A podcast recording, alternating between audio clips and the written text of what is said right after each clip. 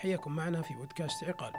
هذا سليمان وضيفنا اليوم هو البروفيسور عبد العزيز بن عبد الله بن لعبون. للحديث عن علم الجيولوجيا من منظور إنساني أدبي تاريخي. ما هي الآثار المكتشفة والغير مكتشفة في السعودية؟ موقع السعودية الجغرافي والإرث الحضاري لها كم اكتشف من هذا البلد وماذا لم يكتشف بعد؟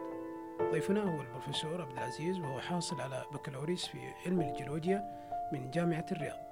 كذلك حاصل ضيفنا على درجة الماجستير في جيولوجيا النفط من جامعة تلسا في أوكلاهوما بالولايات المتحدة الأمريكية. وحصل أيضا ضيفنا على درجة الدكتوراه في جيولوجيا النفط من جامعة الملك عبد العزيز وهي أول آه، درجة علمية آه، درجة دكتوراه علمية تمنح آه، في السعودية في علم جيولوجيا النفط.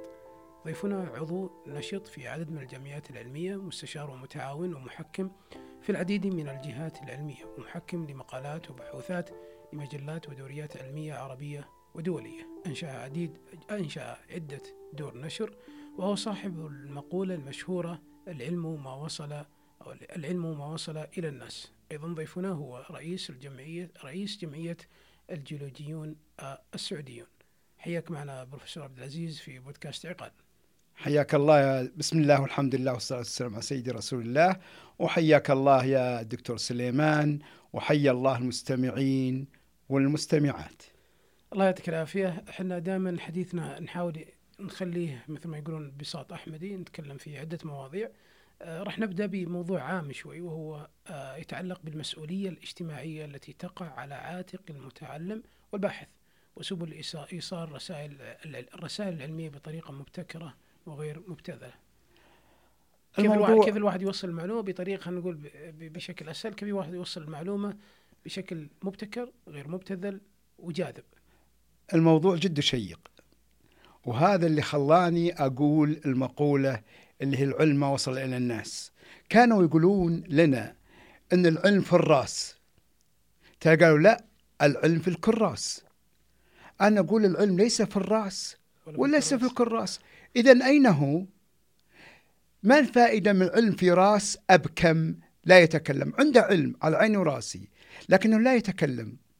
أو علم موضوع في القرطاس في ملفات أو كتب على الرف. ما الفائدة منها؟ إذا العلم ليس في الرأس وليس في الكراس إنما العلم ما وصل إلى الناس. متى ما طلعت منها الرأس متى ما أخذت منها الكراس وأوصلته إلى الناس لا وطبقه الميراث أصبح علم وبالتالي آه لا بد من نشر آه الثقافة المجتمعية العامة. كيف؟ وخاصة العامة للعموم والثقافة التخصصية للمتخصصين. وهذه مسؤولية عظيمة على كاهل المتعلم أو الباحث أو الدارس. وهناك من يقول متفارغا. متفارغة. إيش مقصود فيها؟ تطلع ما لديك من أفكار من آه، اكتشافات من موضوعات توصلها إلى المجتمع توصلها إلى الناس. هذا الأمر يحتاج وعي عالي. يعني مو طبعا. الناس عندهم نفس الدرجة من الوعي. آه لذلك هي مسؤولية. والمسؤولية لولا المشقة ساد الناس كلهم. الجوع الجود يفقر والإقدام. قتال. لا بد من تضغط على نفسك. أيها المتعلم أيها الباحث أيها الأستاذ أيها الشيخ تضغط على نفسك وتعصر نفسك لتخرج ما لديك من معلومة ليستفيد المجتمع وإلا ما الفائدة من العلم اللي عندك؟ ونهانا الإسلام عن كتم العلم. يجب أن نخرج العلم للناس. جميل. من كتب علما الجمع الله باللجام من النار والعياذ بالله. جميل. وبالتالي يجب أن يكون من مسؤوليات الباحث أو العالم هو إخراج ما لديه من معلومة. جميل. جميل. نعم. هو هو أنا اشوفه يعني هي أمانة في النهاية أنت تعلمت العلم من أجل أن توصل للناس فكيف تخليه موجود عندك؟ إيش الفائده من تعليمك؟ أنا يعني يعني أشوفها مثل ما ذكرت هي أمانة أكثر من أي شيء آخر يعني. فعلا هي أمانة ليه؟ لأن المعلومة هذه منين جبتها أنت؟ جبتها من آخرين. صحيح. جبتها من تجربة آخرين، جبتها من كتب آخرين، جبتها من تجربة لك وبالتالي يجب أن ترجعها الأمانة هذه إلى أهلها إلى المجتمع. جميل. وأرجو أن تكون هذه النقطة واضحة لدى الجميع وخاصة الأساتذة والباحثين ومن هم في آه، آه، مستواهم أو مكانتهم. حتى يتساعد يعني في النهاية أنا أشوف أنه حتى هو من باب رد الجميل للوطن. لما أنت تتعلم معلومة وتنقلها للأجيال الجديدة كأنك أيضا بطريقة أخرى تساهم في إنشاء باحثين جدد تدخلهم للسوق ويساهمون أيضا من بعدك في تطوير البلد وفي رفع جودة الحياة بشكل عام. ف... بالضبط كما هي سياسة المزارع. زرعوا فأكلنا نزرع فيأكلون. صحيح. هي عملية أمانة متداولة. صحيح. المعلومة لتنميتها والإضافة إليها تأخذها تضيف عليها ترجع للآخرين يستفيدوا من منها. وبعدين يجب نسأل نفسنا السؤال. سؤال صعب. لكنه والإجابة عليه متعددة ولا حد لها وهو لماذا ندرس؟ أي موضوع؟ لماذا ندرس؟ طبعا عدد الموجودين أو عدد المتلقين يعطيك إجابات وهذه الإجابات قد تكون كلها أو ربما كلها صحيحة. وتصل إلى ما لا نهاية. لكن أنا أحصر الإجابة في ثلاث موضوعات. نحن ندرس أولا للتفكر في عظمة الخالق سبحانه وتعالى. فالعلم يقود إلى الإيمان. واعلم أنه لا إله إلا الله. والكلام في هذا يطول. الثانية لاستخراج ندرس لاستخراج ما في الأرض وما عليها ومن عليها من خيرات. ندرس لاستخراج ما في الأرض من مياه من غاز من نفط من معادن من غيرها. ما عليها؟ من نباتات من حيوانات من إلى ذلك. من عليها؟ اللي هم البشر. تأخذ من عندهم معلومات تستفيد من عندهم وتعطيهم. طيب الثالثة الأولى تفكر في عظمة الخالق. الثانية استفادة مما في الأرض وعليها. الثالثة درء ما في الأرض وما عليها. ومن عليها؟ من أخطار. غازات سامة براكين زلازل حيوانات شرسة نباتات سامة بشر شرسين. أمراض. طبعا وما يتعلق وغير ذلك. إذا يجب أن يكون المثقف أو المطلع أو الباحث أو الشيخ أو عند الفكرة الشاملة للمعلومة وكيف نثرها في المجتمع. جميل جميل. يعطيك العافية. خلينا ننتقل للسؤال الآخر والسؤال هذا راح يدخلنا ل خلينا نقول عنوان ومحور وصلب الحلقة اللي, اللي راح نتكلم فيها عن جيولوجيا الجزيرة العربية بشكل عام.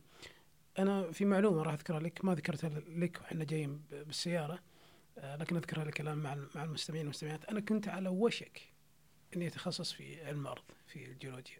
أنا درست في جامعة الملك سعود كلية العلوم وكانت أحد التخصصات هي علم الأرض أو الجيولوجيا اللي ما خلاني أدخل المجال هذا إنه ما كان عندي الوعي والثقافة المطلوبة بأهمية المجال هذا.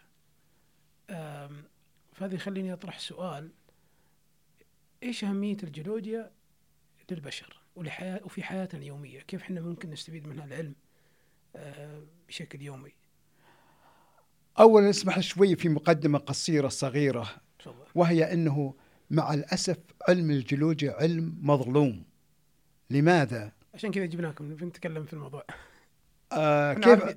إحنا عارفين أنا بالنسبة لي أنا أعرف انه تخصص مهم تخصص تصب في كل العلوم.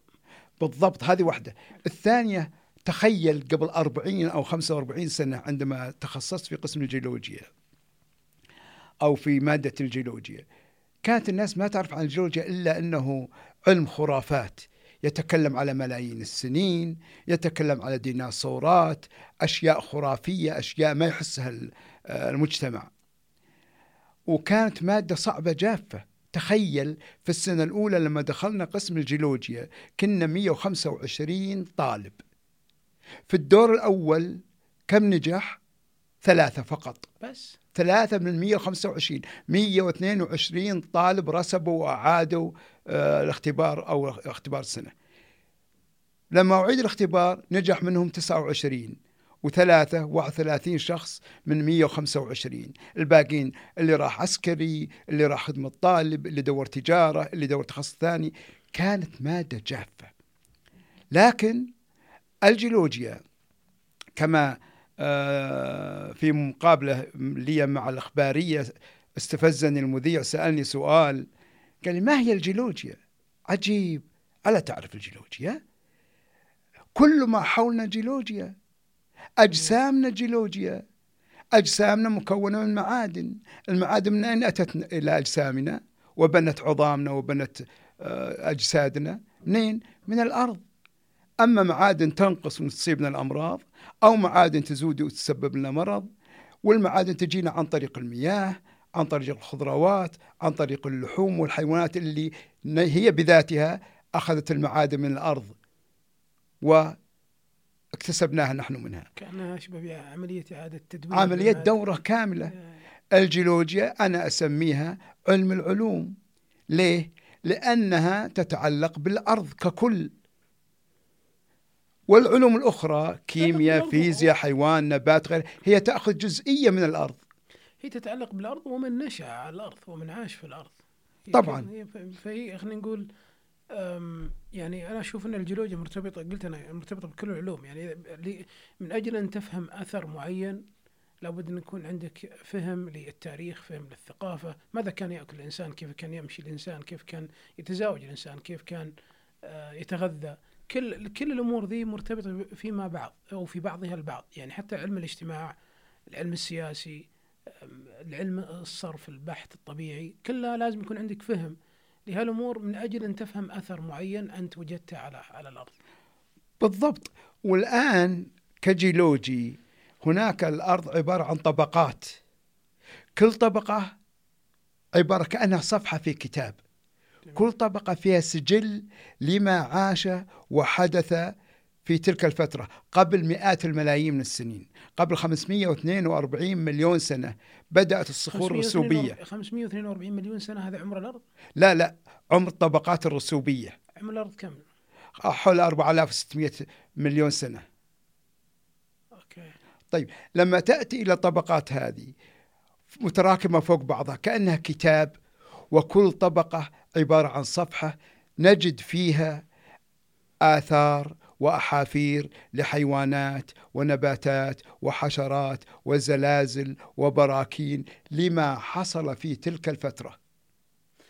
وهذه تتراكم فوق بعضها وبالتالي كأني أنا كجيولوجي عندما أمشي على الجبال أو أستعرض الطبقات كأني أتصفح كتاب ضخم أجد فيه معلومات تجعلني أضطر أن أستعين بالعلوم الأخرى.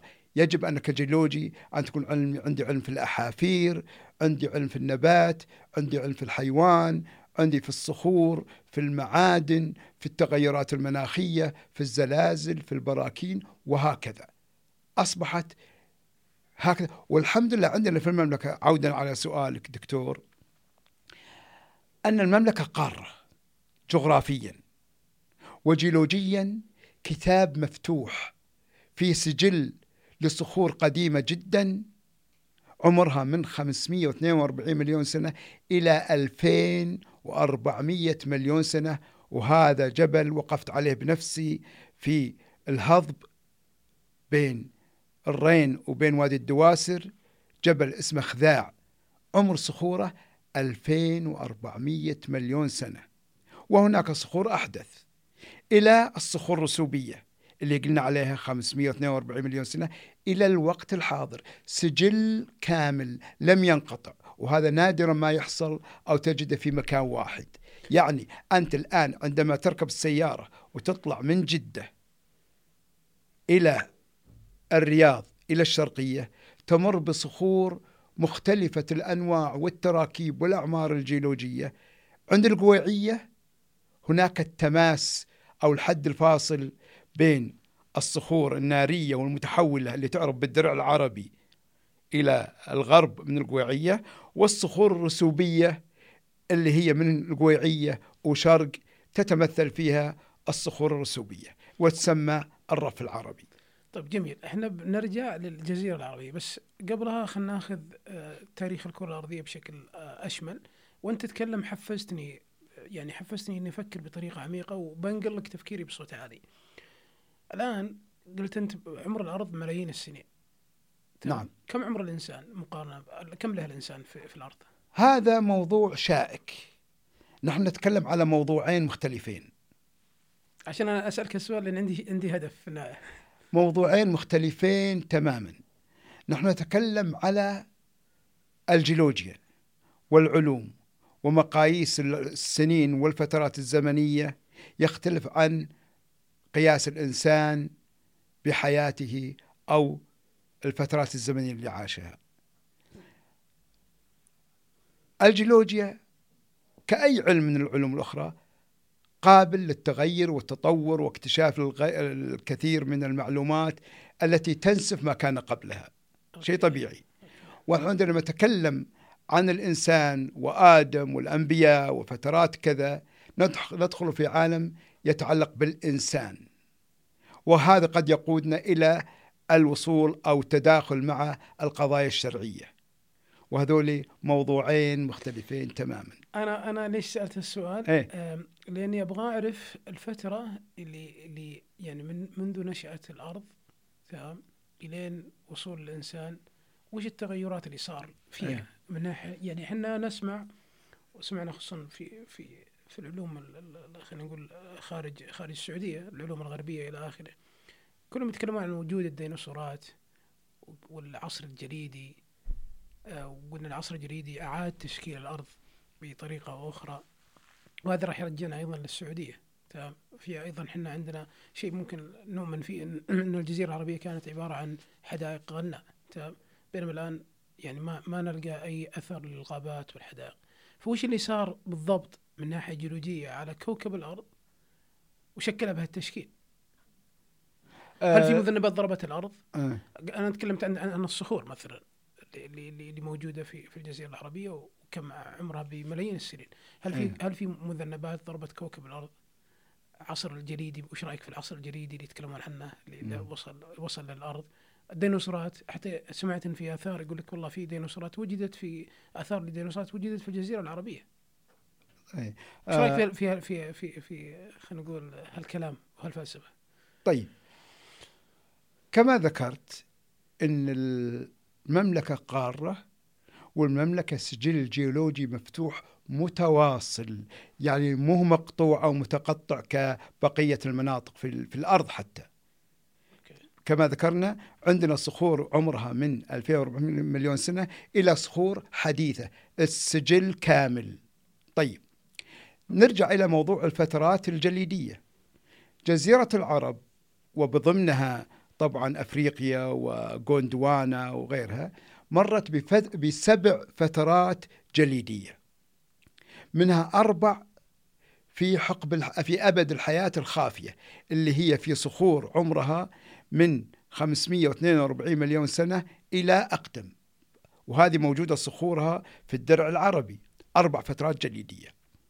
وهناك ثلاث فترات جليدية حصلت في أبد الحياة الظاهرة اللي هي الفترات الرسوبية اللي هي من 542 مليون سنة إلى الوقت الحاضر. هل هذه الأشياء مرت على كل الأرض ولا فقط على الجزيرة لا. العربية؟ على أجزاء من الأرض. على أجزاء من الأرض التي كانت أما ضمن لما كانت الأرض كلها كرة جليدية أو لما تحركت أجزاء من الأرض ووصلت إلى القطب الجنوبي مثلا. ماشي؟ طيب. الأبد الحياة الظاهرة الصخور الحديثة فيها ثلاث فترات جليدية. فترة فترة في أواخر العصر الأردوفيشي وفترة في العصر الكربون البرمي وفترة كان لي بتوفيق من الله حظ اكتشافها. وأول ما اكتشفتها في مدين اللي هي شرق خليج العقبة. صخور جليدية في فترة البلايستوسين وهو العصر الجليدي المتأخر. okay. هذه. أما موضوع الديناصورات لعلي أعرج عليه. أو الفيلة أو غيرها من الحيوانات الفقارية. فقد وجدت عظام للديناصورات في وادي عينونة. وادي عينونة وين في في مدين اللي هي مثل ما قلنا عند التقاء الخليج العقبة بالبحر الأحمر وإلى الشرق من آه، هذا الالتقاء في وادي عينونة وجدت عظام للديناصورات وموجودة هذه ومكتشفة من قبل هيئة المساحة الجيولوجية السعودية وموجودة عظامها في الهيئة. طبعا هناك شيء آخر. حصلت فترات من البراكين ثارت براكين في وخاصة في الجانب الغربي للمملكة. سلسلة من البراكين تمتد من عدن جنوبا إلى جنوب شرق تركيا. ثورات بركانية اللي شكلت الحرات والحرات تشكل ما مساحته حوالي 5% من مساحة المملكة. وهذه كبيرة, كبيرة جدا طبعا. نسبة كبيرة okay. تفضل. طيب طيب موضوع الغابات ذكرناه إحنا هل يعني اي طبعا مثل ما ذكرنا إن البلاطة العربية اللي هي معظمها جزيرة العرب كانت ملتصقة بأفريقيا. يعني وكانت تتحرك. ها؟ البحر الأحمر ما كان موجود. ما كان موجود. okay. آه وكانت تتحرك عبر الزمن من الشمال إلى الجنوب في حركة مستمرة عكس عقارب الساعة. أوكي. وخلال كل فترة طبعا حسب خط... دوائر العرض هي فترة مناخية مختلفة. طبعا لما تكون في خط الاستواء تختلف عنا في مدار الجدي أو مدار السرطان تختلف عنا عند الدائرة القطبية تختلف عنا عند القطب وبالتالي مرت عليها فترات من الفترات المطيرة الفترات الجافة الفترات الرطبة الحارة الجليدية ال... وبالتالي هناك تنوع وبالتالي هناك فترات من ال... التي مرت على الجزيرة العربية أو البلاط العربية أو المملكة. فترات كانت فيها تغطيها الغابات والأشجار وبالتالي موجودة الآن لما نذهب إلى الجبال وإلى الصخور إلى طبقات الأرض نجد الأشجار في أكثر من طبقة وأكثر من موقع. أنا ما قد فكرت في الموضوع بهذه الطريقة. يعني انت اللي كأنك تقول إن الجزيرة العربية كانت خلينا نقول الجزء هذا من الأرض كان موجود شمال وتحرك نزل. أي نعم. ينزل إلى الجنوب. أي نعم. يعني هذا نزل إلى الجنوب إلى مرحلة وصل إلى القطب الجنوبي. أوكي. ثم ارتفعت. والآن لا زالت الجزيرة العربية أو البلاط العربية تتحرك. واصطدمت في إيران وتركيا وكونت جبال زاغروس وطوروس وجبال عمان بسبب حركتها واصطدامها بالبلاطات الأخرى. وهل هذا يعني إنه ممكن هو كله في علم الغيب؟ لكن بحسب الفرضية الموضوع هذه هل يعني إن الجزيرة العربية راح تتحرك بشكل أكبر وتروح نعم هي تتحرك الآن وتتحرك بمقدار حوالي سنتيمترين بالسنة. البحر الأحمر يتوسع وقد يصبح محيط في يوم من الأيام. الخليج العربي سيندثر وتتكون هناك جبال جديدة. يلتغي كامل. نعم نعم يصير في عالم النسيان. ويصير ملاصق للجزء ويصير وجزيرة العرب تصطدم بإيران وتركيا وتتهدم أجزائها الشرقية والبحر الأحمر ينفتح ويصير محيط بإذن الله. هذه هي الدراسات الجيولوجية تقول راح نبعد عن أفريقيا أكثر. نبتعد عن أفريقيا نعم ننفصل عن أفريقيا. okay okay okay. جميل جميل جميل. okay. طيب هل سمعت بعلم الحمض النووي الحفوري؟ آه الآن ذكرت العظام الموجودة في أي. في ما أدري قلت في أحد الجهات هنا في في السعودية. في هو يعتبر علم علم ما أبغى أقول جديد لا ممكن يكون جديد لأن تقنية دراسة الحمض النووي تعتبر حديثة على البشر. أي نعم. فإحنا الآن في السعودية ندرس الآثار أه، خلينا نقول بشكل ظاهري لكن عندنا حمض نووي من, أي نعم. من الرفات المتبقية من الحيوانات أو قد تكون من البشر. أي نعم. فهل عندنا توجه لدراستها؟ لأن هي هذه راح تعطيك وهذا حسب تخصصي أنا مهتم بمجال الجينوم والحمض النووي. أي نعم. الحمض النووي فيه قوة وقدرة على انك تعرف عمر الشخص وعمر الحيوان بشكل دقيق جدا. نعم. آه علم جديد طبق على الإنسان ويتم تطبيقه أو إمكانية تطبيقه على الأحافير أو الفوسلز أو المستحثات. آه وعند الحافير موجودة عندنا من عظام ديناصورات من أنياب فيلة من عظام فيلة وزواحف وغيرها آه موجودة. والمجال مفتوح أمام الباحثين لتطبيقه سواء عندنا في الاحياء الفقرية أو حتى اللا فقريه وبالتالي آه، مجال خصب لتحديد أعمار وسلالات الأحياء التي عاشت في آه، جزيرة العرب أو بشكل عام في الأرض. جمعيه الجيولوجيون السعوديون تدعمون مثل هالافكار؟ آه الجيولوجيون السعوديون تعاونية تضم آه جيولوجيين من مختلف التخصصات وأهدافنا خدمة المادة الجيولوجية في المملكة لتطوير طاقات الشباب وتقديم خدمة إلى الوطن اقتصاديا أو علميا وبالتالي ندعم مثل هذه الأفكار ونساعد عليها آه، بالعمل الميداني وجمع العينات ودعمها مثل هذه الدراسات نعم جميل جميل يعطيكم العافية طيب عندي سؤال عن عن الجزيرة العربية بما نتحدث عن الجزيرة العربية ما أبغى أقول كم اكتشفنا بس هل تشوف إن ما بعد اكتشفنا شيء من الجزيرة العربية؟ أنا أحس إن في تاريخ عميق وال والآثار اللي موجودة في الجزيرة العربية كثيرة. وين إحنا موجود يعني وين في أي مستوى في أي مرحلة من مراحل اكتشاف الجزيرة العربية؟ ستفاجأ في الإجابة. وأنا أعي اكتشفنا وأ... كثير؟ وأنا أعني وأعي ما أقول. أوكي. جزيرة العرب بكر لم نكتشف منها شيء. أوه للدرجة هذه؟ درجة هذه نعم. ليه؟ إن جئتها من ناحية جيولوجية فنحن لا نعرف إلا القشور حقيقة. أوه على السطوح الآن. أي نعم أي نعم. طبعا نعرف عن بعض المواقع لكن كمجمل نحن لا نعرف الشيء الكثير. لا زلنا نتعلم ولا زلنا نكتشف وما إلى ذلك. هذا من الناحية الجيولوجية. وكذا بالنسبة للآثار وكذا بالنسبة للنبات والحيوان وغيرها والحشرات. آه، دراسات قليلة. آه، متابعة الدراسات. أنت تدرس طيب وصلت إلى نتائج. النتائج هذا أنت بحاجة إلى أن آه، تتوثق منها أو تطبقها أو تستفيد من عند منها. طيب ما الذي نعرفه الآن؟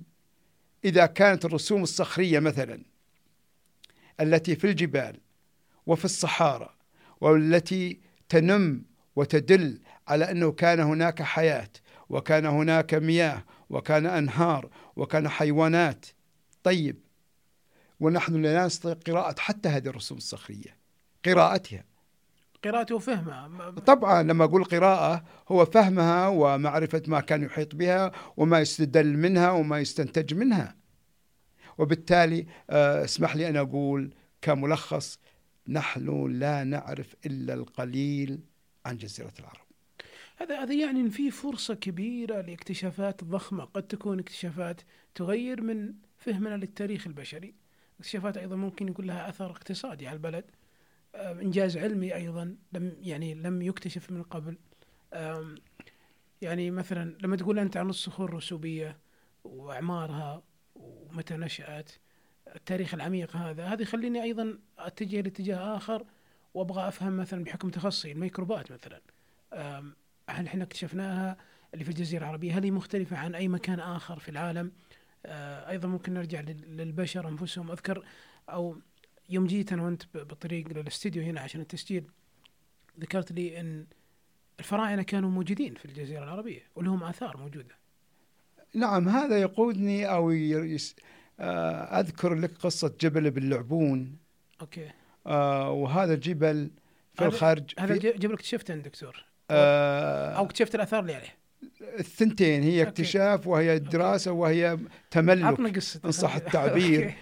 هذا الجبل عليه آثار غريبة وجميلة جدا لم أرى في حياتي مثلها وكان مجزأ أن يباع كاستراحات okay. القصة تطول. آه حاولت أني أمنعهم من بيعها كاستراحات لأن في آثار وهالآثار هذه مر عليها فيلبي سنة 1918 ووثقها ووزارة المعارف وقت ذاك المتاحف والآثار جوها وعملوا لها رفع مساحي تقريبا أو ذكروها في تقاريرهم. والآن تباع كاستراحات تخيل. آه المهم تعاونت أنا واثنين من الزملاء. الغيورين وشرينا الجبل هذا نحافظ عليه. وقام الأستاذ الدكتور عبد العزيز الغزي الأستاذ في مادة آه، الآثار في جامعة الملك سعود. بالحصول على دعم من دارة الملك عبد العزيز وقام بالتنقيب في هذا الموقع واكتشف آثار آه، عظام وأدوات وما غ- غيرها. آه، عمرها يعود إلى خمس آلاف سنة. آه، وبالتالي تبين أهميتها كعمق تاريخي أولاً. أوكي. وجزاه الله خير بعد ما قام بالدراسات. عمل تقرير أكثر من 1600 صفحة تقريبا وطبعته الدار في مجلدين. طبعا آه، الجبل وآثار اللي حوله. آه، وأطلق جزاه الله خير هو ويا الآثاريين اللي معه على هذا الجبل اسم جبل باللعبون. وبالتالي هم من أطلق على هذا الجبل جزاهم الله خير تسمية جبل باللعبون. الجميل في هذا الجبل أن فيه أكثر من 15 نمط من المدافن. أبرزها المدافن المصطبية الدائرية. دائرة ارتفاعها تقريبا حوالي متر متر وعشرين سنتي. فوقها دائرة أصغر. فوقها دائرة أصغر. فوقها دائرة أصغر. هذه جعلتني أفكر وأقول لماذا. لا تكون هذه منشأ فكرة الأهرامات؟ ليه؟ لأنه هذه دائرية وهي أقدم من الأهرامات اللي في مصر. وفي مصر وفي العراق الزقورات أو الأهرا أو الم- المدافن المربعة مربع فوق أصغر فوق أصغر وفي الجيزة في جبل سقارة مثلا هذه أو في منطقة سقارة في مصر قرب القاهرة وفي الجيزة الهرم المكتمل طيب ألا تكون هذه هي فكرة منشأ الأهرامات طلعت من الخرج من وسط جزيرة العرب؟ لماذا لا تكون ذا كذلك؟ هذه واحدة. الثانية هناك من الدلائل ما يشير إلى أن الفراعنة عرب. okay. أسماءهم حورس ومحورس الأسماء هذه اللي جابوها هي لماذا لا تكون حورث والحويرث والحارث وما إلى ذلك. بعدين من هي زوجة فرعون؟ مصر. آسيا بنت مزاحم عربية. okay. طيب نفس الشيء في دليل آخر أو قرينة أخرى. وجد في تيماء ختم و آه، لرمسيس الثالث وهذا الختم لا يعمل إلا بوجود فرعون أو رمسيس الثالث. وهناك من يعني يكون يقول حاضر حاضر حاضر في تيماء okay. وسكن في تيماء مدة عشر سنوات. okay. وهناك آثار فرعونية اكتشفت في الزلفي الجعران وغيره. وفي الفاو كذلك. كل هذه قرائن تدل على التواصل الحضاري بين جزيرة العرب ووادي النيل وكذلك وادي الرافدين لأنه ما الذي حصل؟ بعد أن سادت فترة الجفاف في جزيرة العرب جفت الأنهار جفت البحيرات ماتت الحيوانات والنباتات أو هاجرت الحيوانات الإنسان هاجر إلى حيث الخصب والمياه والخضرة في وادي الرافدين سواء أو شرق المتوسط أو في وادي النيل. وترك الإنسان دليله على سفوح الجبال برسومات ونقوشات وكتابات تنم على أن هذه الأودية وهذه المناطق وهذه الجبال كانت مستوطنات وكانت آه، غابات وكانت أنهار وكانت بحيرات. الإنسان عندما هاجر أخذ معه حضارته. اكتشاف العجلة اكتشاف العربة اكتشاف أشياء كثيرة أخذها معه إلى حيث الأودية وادي الرافدين أو وادي النيل أو غيرها وطور الحضارة. وبالتالي أقول والله أعلى وأعلم أن جزيرة العرب هي منشأ الحضارة البشرية. أوه عشان ك... أنا كنت هذا السؤال في بالي. يعني أنت تعتقد بأن أصل الانسان كان من الجزيرة العربية؟ لأن في مقولات تقول إنه نشأ من من الشمال الأفريقي. بدأت هذه تتغير. الآن تم اكتشاف آثار لإنسان قديم في آه، شويحطية. عمرها مليون ومئتين وخمسين أو مليون وثلاثمية ألف سنة. رقم مره وهناك آثار أخرى لطبعات أرجل وآثار وأدوات آه، حجرية آه، موجودة قديمة عمرها آه، أحدث من ذلك المنطقة اللي ذكرت شويحطية قلت اسمها مليون ثلاثمية ألف سنة وين تقع؟ معليش ترى نعم وين تقع؟ إحنا الجيل الجديد تقع في, في الجوف okay. okay. في في نعم في في الشمال في الجوف. طب هذا يعني مثلا إن آثار ثمود وعاد ومدائن صالح كانت أقدم من الأهرامات؟ آه، الأنباط لا أحدث. okay. آه، غيرهم قد تكون أقدم لأن لحد الآن لم نكتشف آثار لا ثمود ولا عاد. okay طب مدائن صالح؟ هناك أقوال كثيرة حول موضوع مدائن صالح والناقة وما إلى ذلك. مثلا آه، هناك على الأقل هناك ثلاث مواقع وقفت عليها كلها تقول أن هذا مكان الناقة. في مدائن صالح وفي جبال الريث في جيزان وفي صلالة في عمان وغيرها. وهذه لم تثبت بعد. okay okay. إذا- وهناك آراء كثيرة حول الموضوع. okay جميل, جميل. نعم. طيب خل... خلينا نروح للكهوف. هل لدينا كهوف في السعودية؟ كثيرة؟ آه، هناك الكثير من الدحول أو الكهوف آه، في المملكة. وكان لي الشرف أن تقدمت إلى وزارة البيئة والمياه والزراعة باقتراح أنه تحصر هذه الدحول وتدرس وتقدمت لهم بمشروع مثل هذا والحمد لله تم تنفيذه وتم آه، الإناطة بهذا المشروع إلى شركة قامت بدراسة ال- الدحول وانتشارها وتوزيعها في المملكة وبلغ وتم حصر ما لا يقل عن 1900 أو 1827 دحل ومغارة في المملكة طبعا الدحول هي تجاويف تحت سطح الأرض أنا كنت بس والمغارات okay. أو الكهوف هي الفتحات أو التجاويف التي فوق سطح الأرض okay. حتى نميز بين الكهوف والدحول والدحول تكون تكون أبرد من الكهوف؟ من مسألة أبرد أو هذا آه، الدحول لها عالم تكوينها عبارة عن فجوات مختلفة المستويات آه، مختلفة التضاريس مختلفة الأشكال مختلفة المحتويات عن تكون عميقة مرة؟ آه، قد تكون عميقة جدا وقد تكون لا قريبة من السطح. هي عبارة عن تجاويف داخل أو تحت سطح الأرض.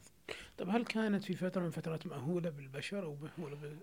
هي كانت معظمها أيام الفترات المطيرة مليئة بالمياه وإلى عهد قريب كان فيها مياه وكانوا أهل البادية أهلنا من أهل البادية. قبل عشرات السنين يريدونها للاستقاء بما فيها من مياه آه، للسقيا أو للشراب أو ما إلى ذلك. ولكن الآن معظمها جف. لكن مثلا لو رحنا إلى دحل هيت مثلا نجد الآن فيه مياه واحيانا تزداد بازدياد منسوب المياه بالسيول أو غيرها واحيانا تنخفض وبعضها يجف لكنها منافذ مهمة لتغذية الخزانات الجوفية بمياه السيول. okay. هل أكثر عندنا كهوف ولا دحول؟ ولا ما لا الدحول أكثر من الكهوف. okay okay okay. جميل جميل. الحديث الحديث معك دكتور آه، جميل جدا جميل. حياك الله. الله يسلمك. أنا عندي ترى عندي حب للتاريخ حب لفهم آه، ثقافة البشر كيف نشأنا الأرض كيف نشأت إلى آخره. خلينا نروح للربع الخالي. الربع الخالي أنا أحس إنه إلى ما بعد اكتشفناه ولا؟ لا الربع الخالي لي- ليش صار أو هو ليش صار رمل أساسا؟ هل هو كان جبال قبل؟ تفتتت؟ إيه. يعني كم كمية كثبان رملية عجيبة. خذ هذه المعلومة. okay أطلع. عندنا بحار من الرمال. تغطي ثلث مساحة المملكة. تخيل. okay. ثلث مساحة المملكة رمل. هو الدرع العربي صخور نارية ومتحولة من القويعية وغرب كما ذكرنا أوكي. وصخور رسوبية أحجار جير أحجار رمل وما إلى ذلك تشكل الثلث الثاني. الثلث الثالث هو الرمال النفود الكبير الدهنة الربع الخالي الجافورة البيضة وغيرها من التجمعات الرملية وتشكل ثلث مساحة المملكة. طيب سؤالك الجميل كيف تكون؟ الربع الخالي حوض النفود حوض تجمعت فيه تصب فيه كانت الأنهار وفيه البحيرات والأنهار تنقل الرواسب الطينية والرملية المتفتتة من الصخور.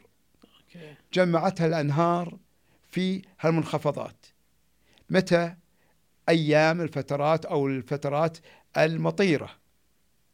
بعد مدة جفت وحصلت فترات جفاف.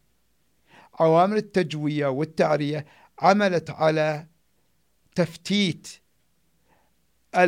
الرواسب الرملية الهائلة. هذا قبل كم؟ ونقلتها الرياح ورسبتها في هالأماكن هذه. ولا زالت الرمال تتحرك من النفود عبر الدهنة إلى الربع الخالي والنفود تتحرك آه، الجافورة وغيرها. الرمال تتحرك وترسبت. قبلها كانت فترات كما ذكرنا مياه وأمطار وسباخ تغطي معظم شرقي المملكة أو الجزيرة العربية وكونت السباخ وجت الرمال فوقها. لذلك تجد الآن الرمال بينها أو تحتها طبقات آه، من السباخ. طب هل هذا يعني أن أساسا لو شلنا يعني أنت تقول الآن الربع الخالي كان أو عبارة عن حوض والنفوذ الثاني كلها حوض. كلها نعم لو شلنا الرمل أي هل الأرض الأرض تكون يعني مناسبة للزراعة؟ أه تجد صخور قد تكون جيرية قد تكون أحجار رمل من الطبقات الرسوبية إحنا نتكلم على نوعين الآن من الصخور لاحظ طبقات صخور رسوبية وفوقها كثبان من الرمال أوكي. طيب الكثبان من الرمال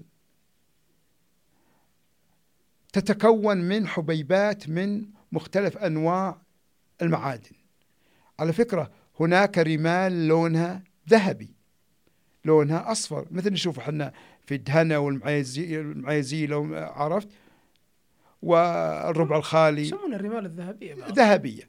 لكن هناك رمال بيضاء المنطقة الشرقية لما تروح أيه جهة الجبيل جهة الخفج جهة رمال بيضاء ليه؟ لأنها تتكون من حبيبات من أما أملاح ولا صخور جيرية بيضاء ولا كسارات قواقع وأصداف؟ هذه واحدة هناك رمال سوداء في سوداء نعم على ساحل البحر الأحمر. تيتانيوم يتكون من معادن مهمة ثمينة وغالية. أوكي. التيتانيوم أو الصخور البركانية أو الصخور المافية الصخور الداكنة السوداء حبيبات رمل سوداء ويجيك رمل رمل يعني رمل نعم نعم حجم الرمل.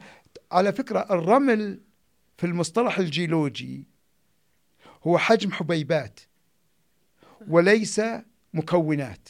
okay. يعني قد يكون الرمل مكون من آه، حبيبات من الزرك الزركونيوم أو من المعادن الثقيلة من المغنيتايت اللي هو الحديد من الكوارتز وغيرها. إذا هناك أشكال وألوان وتجمعات مختلفة من الرمال. وهي ثروة اقتصادية مهمة. ثروة اقتصادية مهمة قصدك إن فيها معادن ممكن يكتشف فيها؟ طبعا. قد هل هل هل تعتقد ممكن يكتشف فيها أيضا أدوية؟ أدوية؟ يس ليه ما الأدوية موجودة الآن في عندك السباخ. السباخ فيها من الأملاح وفيها من العناصر وفيها من آه الصخور الجيرية. بإمكان التلك أو الطلق. عرفت؟ فيها كثير من الصخور.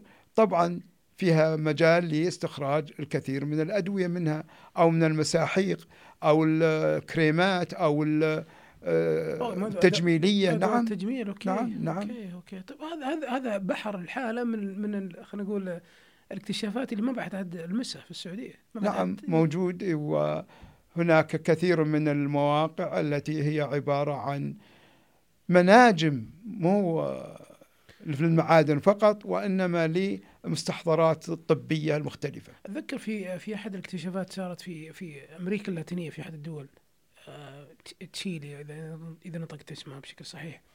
آه، سووا عليها دراسة واكتشفوا فيها كمية كبيرة من الأدوية المضادة للسرطان.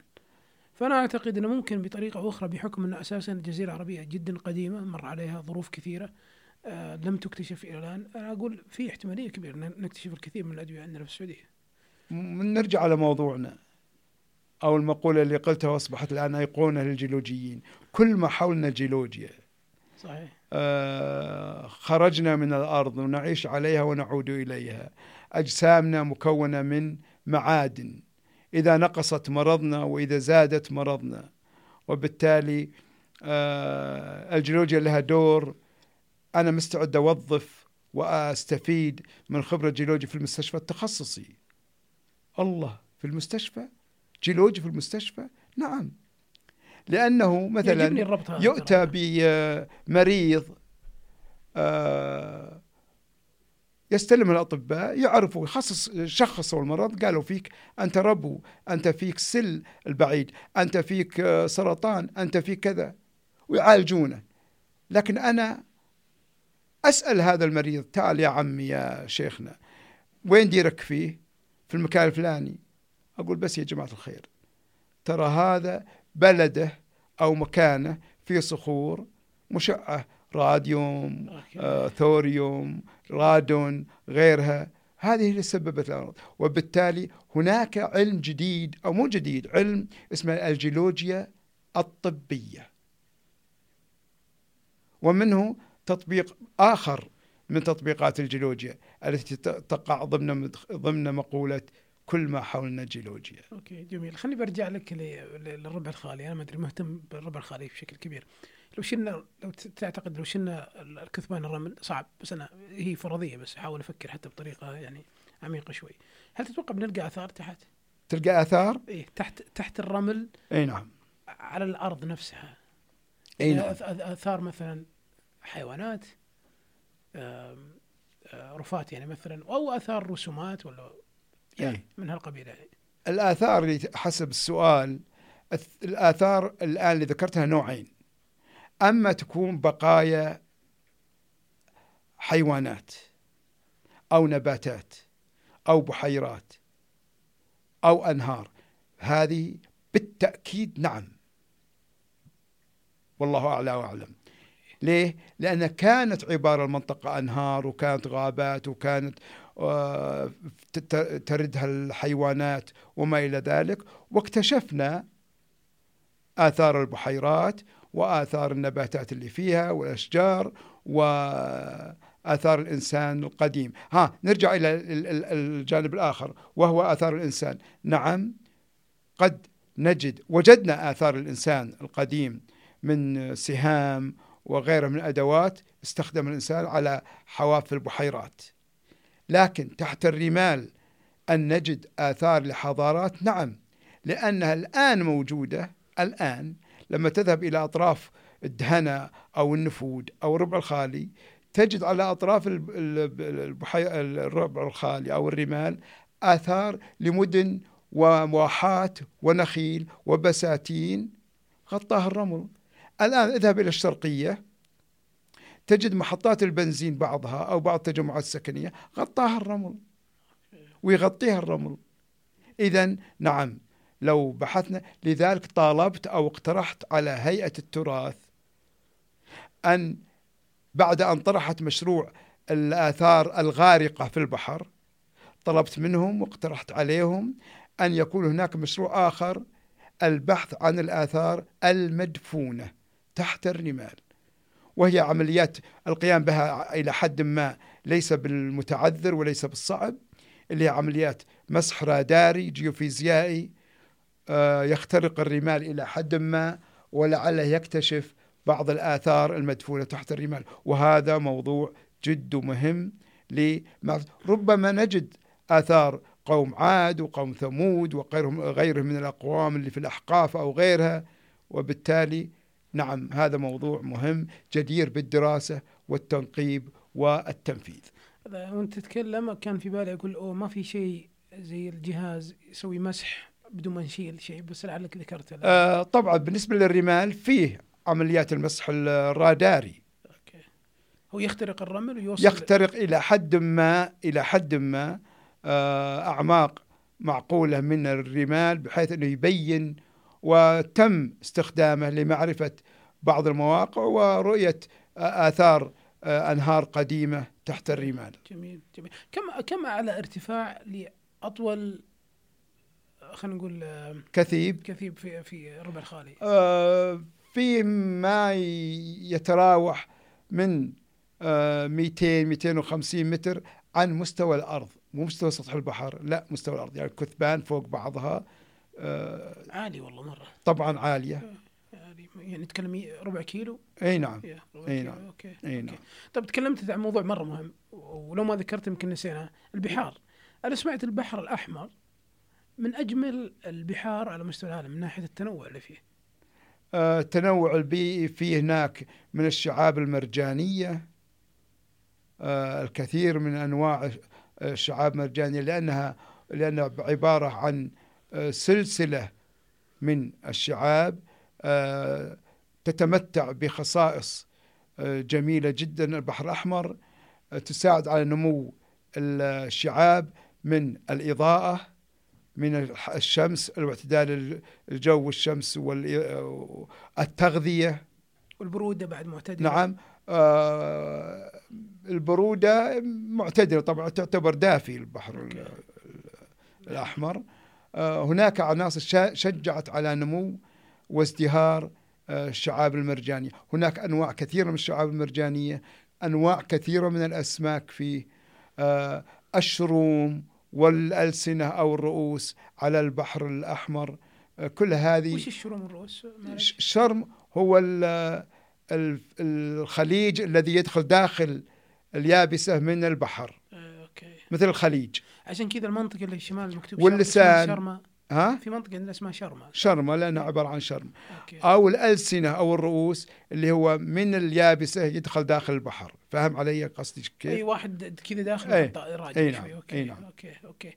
كم خليني أسألك نفس السؤال اللي سألته عن الجزيرة العربية. كم نسبة اكتشافنا ال- ال- البحر الأحمر؟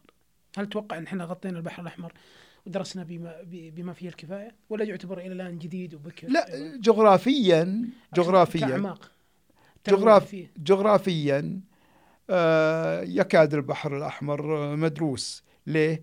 لأنه آه، هناك خرائط جوية وخرائط جيولوجية وطبوغرافية وما إلى ذلك. آه، جيولوجيا لا. إيه، لا زلنا نحبو. أوكي. ولا زلنا في البداية لدراسة لأن البحر الأحمر يتكون من آه، عدد من أحواض الرسوبية أجزاء.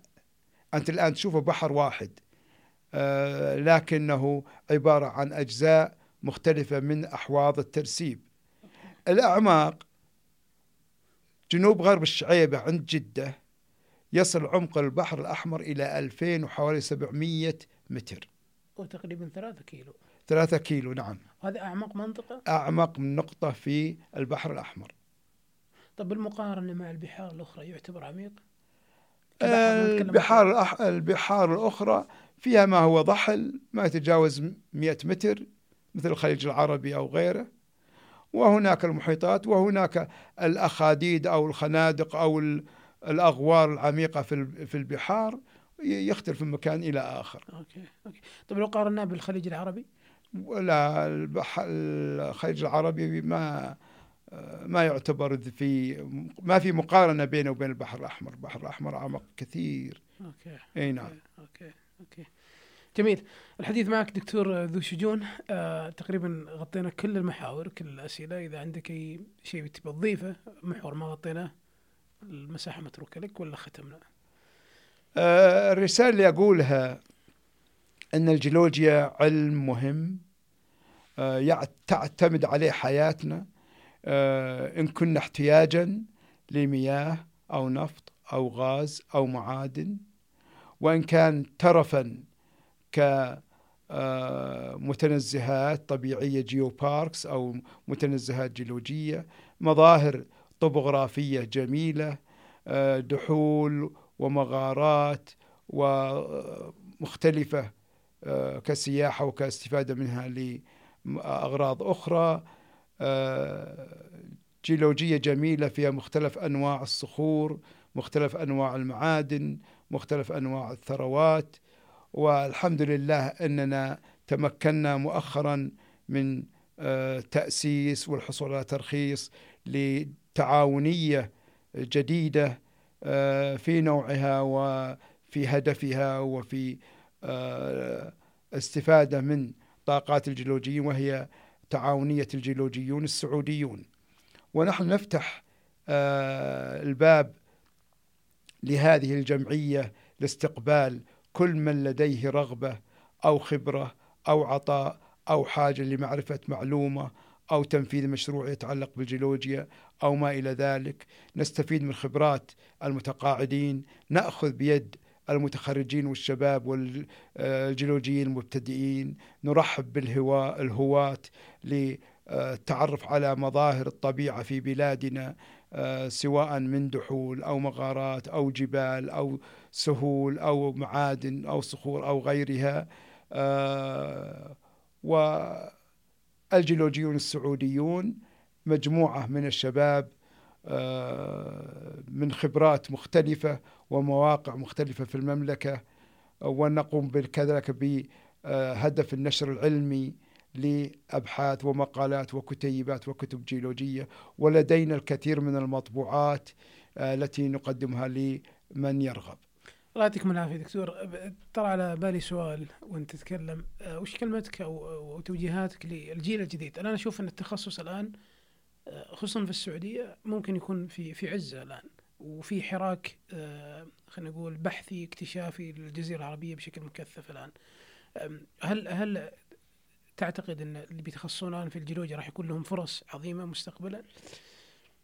والله المفروض يكون هناك المفروض يكون هناك فرص ليه المفروض أقول المفروض يكون أولا لأن وزارة الصناعة والثروة المعدنية في الوقت الحاضر تقوم بعملية مسح مكثفة للدرع العربي. والدرع العربي مساحته حوالي 635 ألف كيلو متر مربع. صح كبيرة جدا. تحتاج إلى جيولوجيين. آه وزارة الثقافة قسم آه هيئة التراث سيقوم بدراسة 500 ألف منشأة حجرية. يجب أن يكون هناك جيولوجي أو جيولوجيون معهم. الآثار بحاجة إلى الجيولوجيين. الطرق إنشاء الطرق يحتاج إلى جيولوجيين. آه، أي مرفق من مرافق حياتنا بحاجة إلى جيولوجيين. البحث عن المياه البحث عن النفط البحث عن الغاز البحث عن المعادن كلها بحاجة إلى جيولوجيين. درء المخاطر الطبيعية الزلازل البراكين الانهيارات الصخرية وما إلى ذلك أنت بحاجة إلى جيولوجيين. وبالتالي يجب توظيف الجيولوجي ويجب الاستفادة من الجيولوجي. وهنا اسمح لي دكتور أن أهيب بوزارة التعليم أن تعيد التفكير في إعادة مقرر أو مادة الجيولوجيا في المراحل التعليم آه، الثانوي جميل. حتى يأتي الطالب بعد ما يتخرج من الثانوية يكون عنده فكرة عن الجيولوجيا حتى يتجه بعضهم إلى تخصص الجيولوجيا ولا كيف سيتخصص جيولوجيا؟ كيف سنخرج جيولوجيين ونحن لم نهيئ الطلاب لمعرفة جوانب من هذا العلم الجيولوجي المهم؟ جميل جميل جدا جميل. يعطيك العافية دكتور. كان معنا البروفيسور عبد العزيز بن لعبون آه، في حديث شيق وذو شجون. الله يعطيك العافية شرفتنا. أنا بالنسبة لي استمتعت جدا بالحديث معك آه، وما ودي الحديث ينتهي بس ما ودنا نطيل أيضا على السادة المستمعين والمستمعات. كذلك آه، أعزائنا المستمعين والمستمعات آه، لا تنسون تشتركون معنا في قناة آه، إيقال وتتابعونا على تويتر على at إيقال كاست. أيضا إذا عندكم اقتراحات مستقبلية بالإمكان توصلوا لنا عن طريق الإيميل إيقال كاست at Gmail dot com. كذلك أشكر زميلي وصديقي سعود العميرة على إعداد محاور هذه الحلقة ونلتقي بكم إن شاء الله في حلقات قادمة بإذن الله. آه شكرا لك دكتور سليمان وشكرا للمستمعين والمستمعات وكما ذكرت نحن الجيولوجيون السعوديون نرحب بكم باستفساراتكم بأسئلتكم بمقترحاتكم بما آه نستطيع أن نقدمه لكم وشكرا جزيلا. الله يحييك دكتور.